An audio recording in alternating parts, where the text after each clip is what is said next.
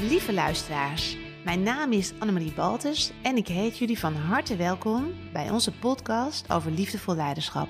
Ik ben trainer en coach en heb mijn eigen bedrijf Inspira, waar ik dagelijks leiders op weg help om ze in hun kracht te zetten en het beste uit zichzelf te halen.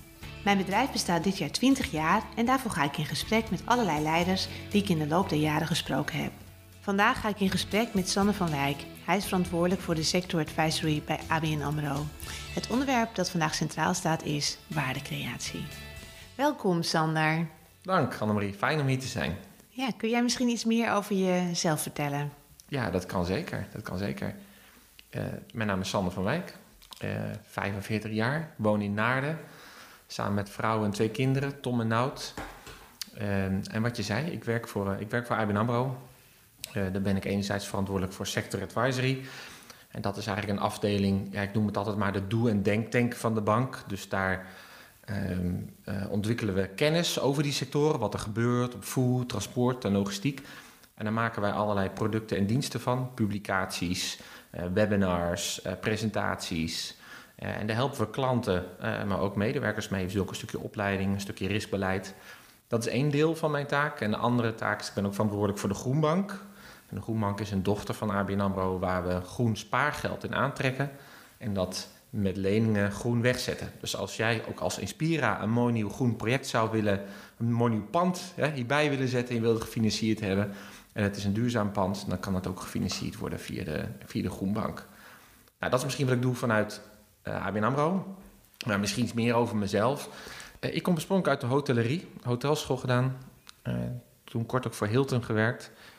En toen heb ik de stap gemaakt vanuit de hotellerie naar het bankwezen. Op zich wel een mooi ding daarbij is de redelijk overstapte destijds van de hotellerie naar het bankwezen, is dat er eigenlijk was geen mogelijkheid om jezelf te ontwikkelen. Dus ik werkte bij Hilton, maar als je een keer een cursus Word of Excel kreeg, dan was dat het. En toen dacht ik, ja, maar ik ben nog zo jong, ik wil nog zoveel leren.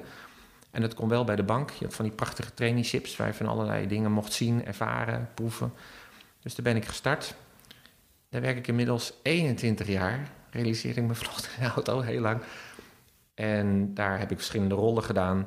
Eigenlijk altijd al aan de klantenkant. Dat heb ik gedaan in Nederland, maar ook in Noord-Amerika, in Dubai, in het Midden-Oosten en in Azië. En sinds jaar of vijf ben ik weer terug in Nederland en ja, werk ik uh, voor Sector Advisory.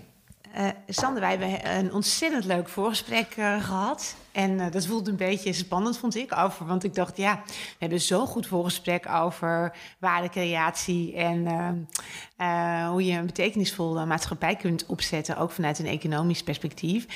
En dat ik dacht, oh, straks gaat het helemaal mis bij de podcast. Ja. ja. En we zeiden dat tegen elkaar tegelijkertijd, maar ik me eigenlijk niet voor zorgen over. Want toen we het gesprek waren geëindigd, dit onderwerp zit zo dicht bij ons hart dat komt ook vandaag wel weer goed. Want als het echt iets dicht bij jezelf ligt en je praat daarover, dan is het niet geregisseerd, maar dan komt het gewoon natuurlijk. En dat is gelijk ook een leiderschapsles. Ja, dat denk ik ook. Ja, blijf vooral bij jezelf. Iets wat jij mij heel nadrukkelijk ook hebt laten zien. Uh, in die, nou, wat is het, een jaar, anderhalf jaar dat, we, uh, dat ik bij jou uh, kom, samen met de groep. Nee, ik denk dat het een hele belangrijke les is. Dat je gewoon dicht bij jezelf blijft. Ja, ja. nou juist. Ik, ik werk toch in de bankwezen, wat ja, al met al toch een uh, ja, best wel een masculine, strak gedreven organisatie is. Waar het gaat om uh, ja, toch vaak nullen en enen. Uh, Zwart-wit zaken, dingen die je met het hoofd moet doen.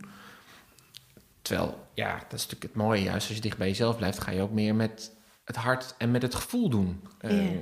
ja, nou, dat is heel mooi. Ja. ja, want dan kun je vanuit inspiratie inspireren.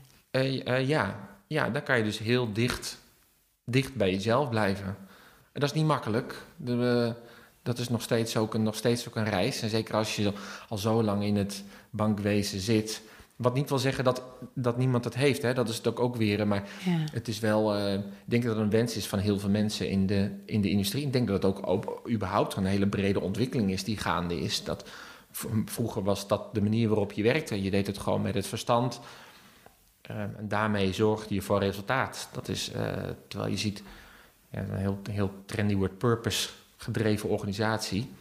Dat zie je veel nadrukkelijker nu ook gewoon terugkomen. Dat bij de mensen zelf, maar ook bij de organisatie, als ze een volgende stap willen maken, ja, dat dat soort denkbeelden, strategieën gewoon veel belangrijker worden. Ja. En wat wil jij daarin eh, doen, uh, Sander? Nou, ik, ik merk persoonlijk dat ik me daar heel erg fijn en comfortabel bij voel. Ehm, dat het fijn is om jezelf de vraag te kunnen stellen van waar ben ik nou eigenlijk mee bezig en waarom doe ik dat? En wat is mijn toegevoegde waarde? En er staat op niemands graf wel wat heeft dit persoon hard gewerkt, maar er wordt er altijd uiteindelijk gevraagd wat, wat heb je kunnen bijdragen, wat heb je mooier kunnen maken? Ehm, en door dit gedachtegoed kan je dingen ook echt mooier maken. Ik denk dat het ook komt omdat je, als je in de financiële industrie ziet, dat je dat, dat het gaat natuurlijk continu om meer, meer, meer. Hè? Meer in de termen van geldelijke zin. Uh, en dat ik ook zie dat het systeem eigenlijk eindig is. Zeker voor een, voor een land als Nederland, wat relatief niet een hele grote groei heeft. En dan is de groei dan gedefinieerd in de economische zin. Eh, ja, is het gewoon goed om op zoek te gaan naar andere manieren van groei. Economische groei wordt vaak gezien als BBP. Je verkoopt iets en dat geeft waarde. Maar eigenlijk gaat groei natuurlijk over veel meer. Het gaat over hoe we elkaar samenleven. Ehm, welke rol je als persoon pakt, welke rol je als organisatie pakt. Ja, dan krijg je hele andere gesprekken. Dan gaat het echt letterlijk, hoe gaan we de BV Nederland een stuk mooier maken? Wat overigens niet anders is dan, uh, of waarin je niet geld zou mogen kunnen verdienen. Maar die twee dingen hand in hand brengen, dat is gewoon heel mooi. Ja, het valt me ook op dat dat ook altijd dan gezegd moet worden. Dus als je de wereld mooi wil maken, moet je ook geld kunnen verdienen. Ja. Omdat het anders geen draagvlak krijgt. Nou, ik realiseer dat, het, ja. dat is er altijd een spanningsveld tussen ons. Hè? Dat, want het zou zo mooi zijn als je... Ik ben nieuwsgierig, heel nieuwsgierig hoe jij ernaar kijkt. Vanuit mijn perspectief is het... Wil je de massa echt in beweging krijgen? Wil je niet ervoor zorgen dat het een, dat het een niche is? Dat moet je ook hebben.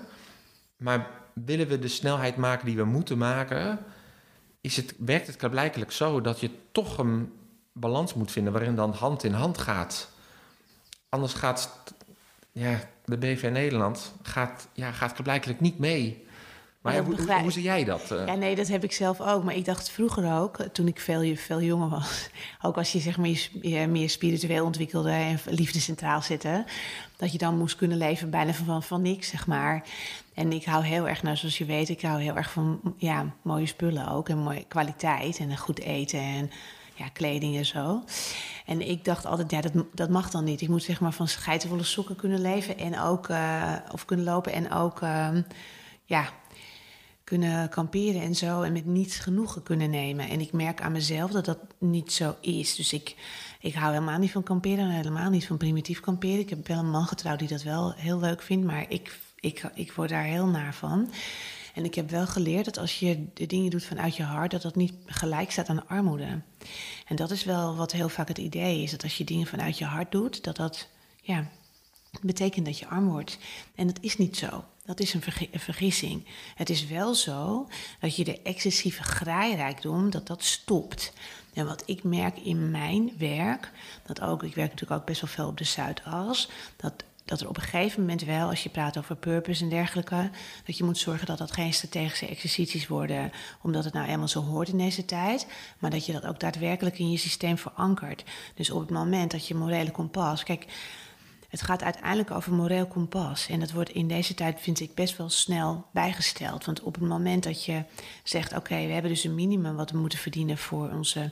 Nou, uh, een, uh, hoe dat, een eh, partner moet 600.000 euro bonus kunnen hebben per jaar bijvoorbeeld, of een miljoen verdienen. Als je dat wil vasthouden, dan betekent het ook soms dat je gewoon keuzes maakt binnen de wetgeving die kunnen, waarin je constructies optuigt, waarvan je, waarvan je kunt afvragen, ja, durf ik, kan ik mezelf nog wel echt in de spiegel aankijken? En kan ik dit aan de ontbijttafel op zondagochtend aan mijn kinderen verkopen? En daar zit, vind ik, ook een spanningsveld. En dat moet ook gezegd kunnen worden. En het is natuurlijk aantrekkelijk om voor uh, bedrijven te werken waar veel geld zit. Maar het is altijd belangrijk om kritisch te zijn. Hoe zit het eigenlijk echt met het morele kompas van een bedrijf? En nou begrijp ik dat we allemaal mensen zijn. Dus het is ook een spanningsveld in ontwikkeling. Dus het is ook zo dat wij in een balans zitten van geven en nemen. Maar ook, ja, ik had gisteren een gesprek met, me, met mijn zus. En zij vertelt over Jeff Bezos. Dus ik weet niet of ik goed zeg, ik ben echt beroerd met name. Jeff, Bezos van Amazon. Ja, hij weigert, hij heeft vorig jaar 9 miljard verdiend of iets dergelijks. En hij weigert aan de onderkant van, uh, van zijn bedrijf de mensen een fatsoenlijk loon uh, te betalen in de warehouses, waardoor mensen het heel moeilijk hebben. En dan zouden die mensen 2 euro per uur meer betalen betalen, dan nog kost het hem 1 miljard, houdt hij 8 miljard over. En daar gaat het ook over, wat mij betreft. Dus dat je ben je als bedrijf, betaal je ook je mensen aan de onderkant bijvoorbeeld een normaal salaris, zodat ze een bestaan kunnen hebben. Ja, nou, ik, ik, ik denk dat niemand het hier echt oneens met je zal zijn. Nee, natuurlijk ik, niet. Ik, denk, ik, ik vraag me wel af hoe mensen zich daar dan in gedragen. Kijk, je kan enerzijds zeggen ik wil niet onderdeel zijn van het systeem en ik ga wat anders doen. Ik, ik, kan, ik kan onderdeel zijn van het financiële systeem en daar werken. En dat niet willen en zeggen, weet je, ik stap over naar een NGO. Dat is wat natuurlijk vaak gebeurt. Van dat is niet mijn achtergrond, dan ga ik erin weg. Ik vind juist dat je daar juist op moet instappen ik persoonlijk denk, als, je, als de drie grootbanken in Nederland een andere rol zouden pakken, of een grotere rol zouden pakken in het beter maken van die economie, niet alleen langs de financiële as, maar juist ook langs die niet-financiële as, of dan gaat het over sociaal, of gaat het biodiversiteit, dat je dan het grootste verschil kan maken. Dus ik wil helemaal niet zeggen dat Jeff Bezos dat een, een, een slechte man is, of dat, dat, of dat je daarvan moet distancieren. Ik hou wel van het optimistische, positieve geluid om dan hem ook te helpen te bewegen. Van luister, weet je, pak je rol. Eh, even los van het feit dat ik niet naast hem sta. maar in de bredere zin vind ik dat een veel mooiere. dus mensen keren zich af en toe af, bijvoorbeeld voor wat op de Zuidas gebeurt. alsof de Zuidas een soort, van, een soort van kwaad is. Terwijl ik, ja, dat, waar, waar we volgens mij behoefte aan hebben, ook als het gaat om leiderschap, is juist om verbindend leiderschap. Niet waarin je kampen creëert, waarin je. Overigens zijn de Nederlanders altijd heel goed in geweest. Hè. Wij zijn. Ehm, nee, internationaal staan we daar ook om bekend dat we juist mensen bij elkaar kunnen uh, halen en brengen. En ik denk dat dat ook wat er, ja, wat er nodig is. Ik, heel vaak gaat het fout, juist als mensen vanuit ideologie, vanuit hun hoofd, uh, de strijd aangaan.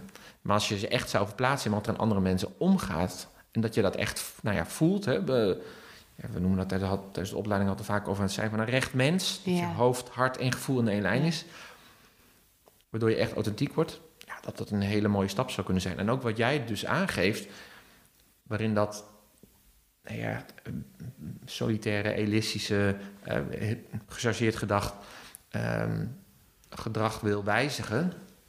Ja, ik denk dat dat de aanvliegroute is. Ja, dat denk ik ook wel, ja.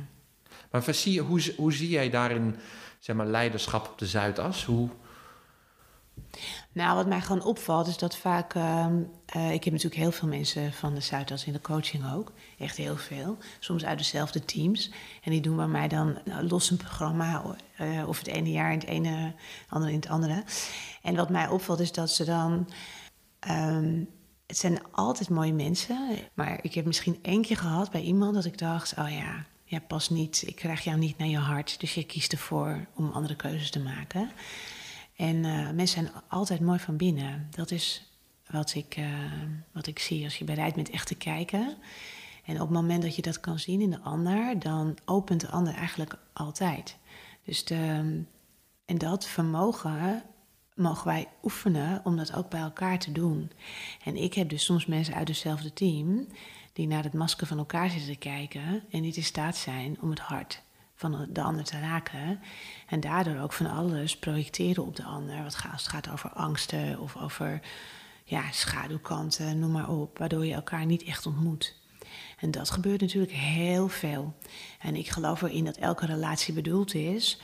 Eigenlijk, dit klinkt dus wel weer heel zweverig, maar om te helen, om ervoor te zorgen dat je je hart in die relatie krijgt.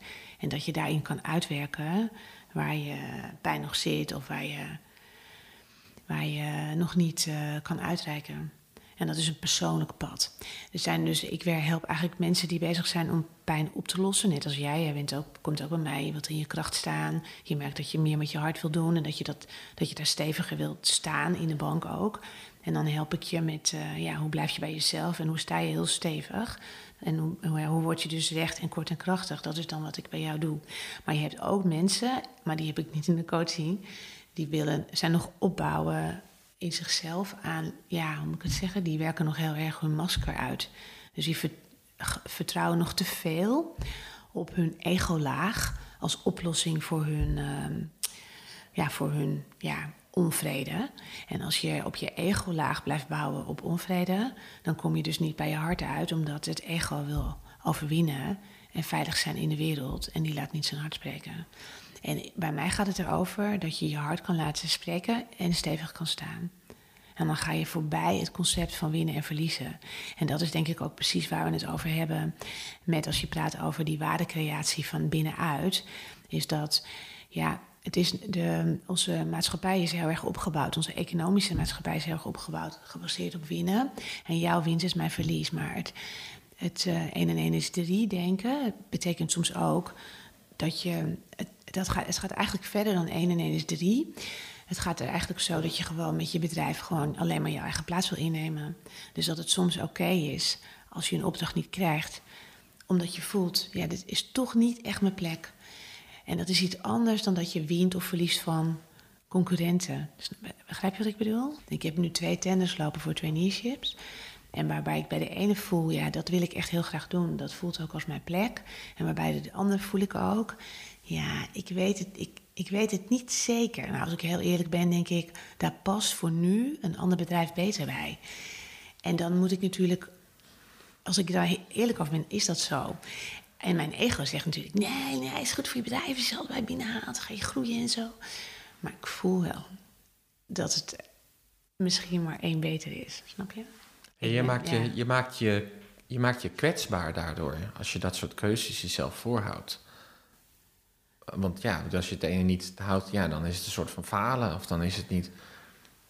Dat vind ik, ik vind dat zelf ook wel een hele lastige daarin. Hè? Dus je wilt eigenlijk gewoon succes op succes kunnen stapelen. En, en, en iets anders is, ja, is niet, uh, ja, is niet oké. Of, is, ja, of is minder oké.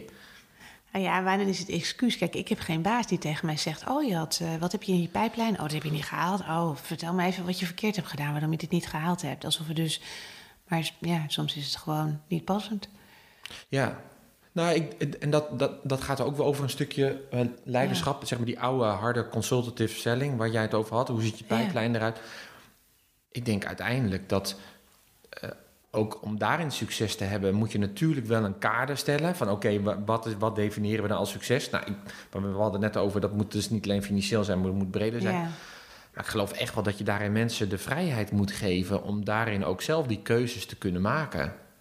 Op het moment dat je echt die pijplijn op transactie op transactie gaat zitten, en daar mensen op zitten afrekenen, dat is, ja, dan kom je een hele andere facet, lange termijn versus korte termijn. En dat is denk ik echt gewoon korte termijn denken. En een soort van, ja, een soort van red race. Ja, wat heel leuk, aannemelijk en positief klinkt. Maar dat is. Ik, ik denk dat je daar niet de beste om mensen om je heen krijgt. En ook niet het snelste mensen in, uh, in ontwikkelt. Um, nee, ik denk juist, oh, we hadden het over dat recht mens zijn. Dat het dat mij in ieder geval juist heeft geleerd dat het heel belangrijk is om wel een duidelijk kader met elkaar af te spreken. Van oké, wat gaan we doen? Kloppen die definities die we met elkaar hebben? Maar daarbinnen, geef mensen maar de ruimte. Laat mensen maar experimenteren. Je staat, je staat echt versteld wat mensen gewoon kunnen als je ze gewoon de ruimte geeft. Wat hartstikke eng is, want dan mag het ook fout gaan. Dus mooi voorbeeld zijn nu net twee nieuwe collega's uh, begonnen op de afdeling. Degene die de grootste fout maakt, krijgt een fles champagne. Omdat wij zo gecultiveerd zijn dat je geen fouten mag maken. Dat alles dus binnen die lijntjes gebeurt. En dat is in, in Bakker is het ook heel belangrijk dat, dat, dat het gebeurt. Ehm, maar alle creativiteit gaat er daarmee wel uit. Weet je? Dus laat maar mensen ook maar eens ervaren wat het is, waar die grens ligt. Dat is natuurlijk ook mooi wat jij doet met de mensen. Dat je, dat je gaat een beetje op dat randje zitten. Hè? Van waar wordt het ongemakkelijk? Sterker nog, af en toe ga je... daar ben jij heel goed in. Wanneer wordt het echt ongemakkelijk? Uh, uh, nou, dat heb ik zelf mogen ervaren. Maar dat is natuurlijk heel mooi als, ja, als andere mensen het ook gewoon een keer kunnen ervaren. Van ga maar eens in een veilige omgeving in het ongemakkelijke zitten. En overigens geloof ik ook dat juist heel veel mensen... Ehm, waar ik mee werk, daar baat bij hebben. Omdat je op een gegeven moment in een fase komt... Ja, dat klinkt weer als je dan weer zo oud wordt... maar waarin je heel veel hebt gedaan met je krachten Waar, waar ben je goed in? Ja. En dat er op een gegeven moment een fase komt waarin je eigenlijk om een volgende stap moet maken, eh, ook je zwaktes moet leren ervaren. En toen ik 20, 30 was, had ik daar even helemaal geen ruimte voor. Was ik alleen maar bezig met, oh, dit vind ik leuk, ga ik beter. En dat vind ik wel heel mooi van deze reis ook. Dat je teruggaat in het verleden. Wie ben ik? Wat heeft me gemaakt tot wie ik nu ben? En dat je vanuit die positie ook kijkt naar de, ja, naar de toekomst toe. Hoe je, hoe je, nou, je, je zwaktes, wat dus eigenlijk geen zwaktes zijn als je ze erkent en uh, daarmee aan de slag gaat. Ja, en dat je daarmee ook sneller een beter mens wordt. Ja. Ik ben zelf een groot voorstander van het hele circulaire gedachtegoed. Ja. Hè, wat, wat, wat letterlijk gaat over dat uh, grondstoffen zijn eindig. Hè? De circulaire economie zit eigenlijk voor hoe ga je zo efficiënt mogelijk om met gebruik en hergebruik van grondstoffen. Nou, een heel technische term. Maar het is wel heel mooi om dat gedachtegoed op zo'n principe los te laten en daarmee de bank uh, en ook alle klanten gewoon verder te helpen. Uh, want dan wordt het pas echt leuk. Dan kan je pas echt zorgen voor versnelling en acceleratie. En, um, en dat is ook de reden waarom ik nog ja, voor het mooie bedrijf wil werken. Ja, dat begrijp ik wel. Ik vind uh, banken ook interessant. En serieus, omdat zij maken uh, dromen mogelijk. Dus je, ze faciliteren natuurlijk van alles als ondernemer. Want dan heb je geld nodig en dan kun je dingen waar je in gelooft, kun je, kun je waar gaan maken. Ja. Ja. En ik denk dat de keuze van waar financier je dan in, dat is natuurlijk een enorme machtig instrument van waar financier ik dan in als bank. En daar kan je natuurlijk de meest mooie dingen mee doen. Ja, ja. Nee, en, en als je het in het grote geheel bekijkt, wij zijn, wij zijn de eerste generatie die het kan verknallen. En wij zijn waarschijnlijk de laatste generatie die het kunnen oplossen. Nou, vanuit dat perspectief zit er ook gewoon echt urgentie op. He, is het dus niet iets abstracts, iets je, wat je in de krant leest, maar is het gewoon van het hier en nu. En dat, dat vind ik overigens nog steeds af en toe wel lastig, hè? want je kan gewoon s'avonds om zes uur naar huis gaan gewoon uh, je bordje eten klaarmaken en uh, s'avonds journaal kijken en morgen weer opstaan en er is niks veranderd. Maar ik vind wel dat leiderschap juist gaat om daar doorheen te kijken. En, en vanuit dat beeld ook, ook die conclusies te trekken. Van jongens, ja, we kunnen zo doorgaan zoals we nu doorgaan, maar zo gaan we het niet redden met elkaar. En dat hoeft niet met angst te verdoen is. Ik zeg, we kunnen er nog steeds wel wat aan doen, maar dan moeten we er wel wat aan doen. Ja. Dat vraagt echt om leiderschap.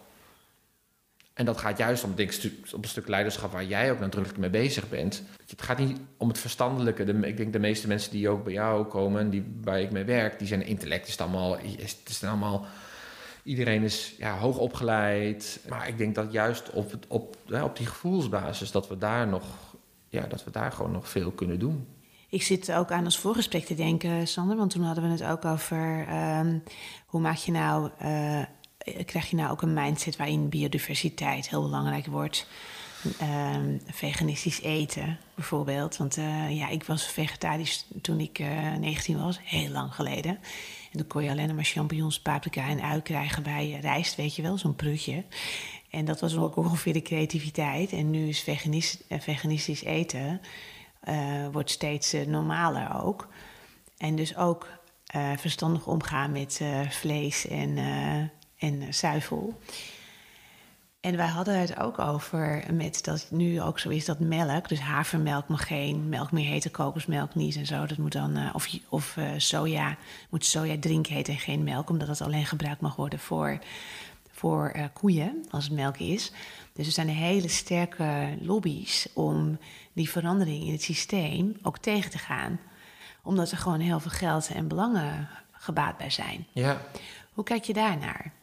Dat is natuurlijk wel een hele, ja, een hele interessante. Overigens, als je een eten en drinken komt, dan kom je ook echt aan de. Aan jou. Nou ja, aan mij, maar ik denk ook aan heel veel mensen. Eten en drinken, ja, ik bedoel, dat is, dat is waarop we leven. We, um, dus dat is, dat is sowieso vaak al een gevoelig onderwerp. Maar ja, dat raakt natuurlijk ook heel veel verzetten. We, we hadden het net over biodiversiteit bijvoorbeeld. Ja, ja dat klinkt als heel, iets heel abstracts. Waarom zou je als bank iets doen met biodiversiteit? Maar ja. en tegelijkertijd Hè, we zien bijvoorbeeld de afgelopen jaren dat het heel slecht gaat met de bijenstand, bijvoorbeeld. Ja. Nou, een heel simpel diertje. Maar als we geen bijen hebben, dan worden de bloempjes niet eh, bevrucht. Dan hebben we gewoon geen groente, geen fruit.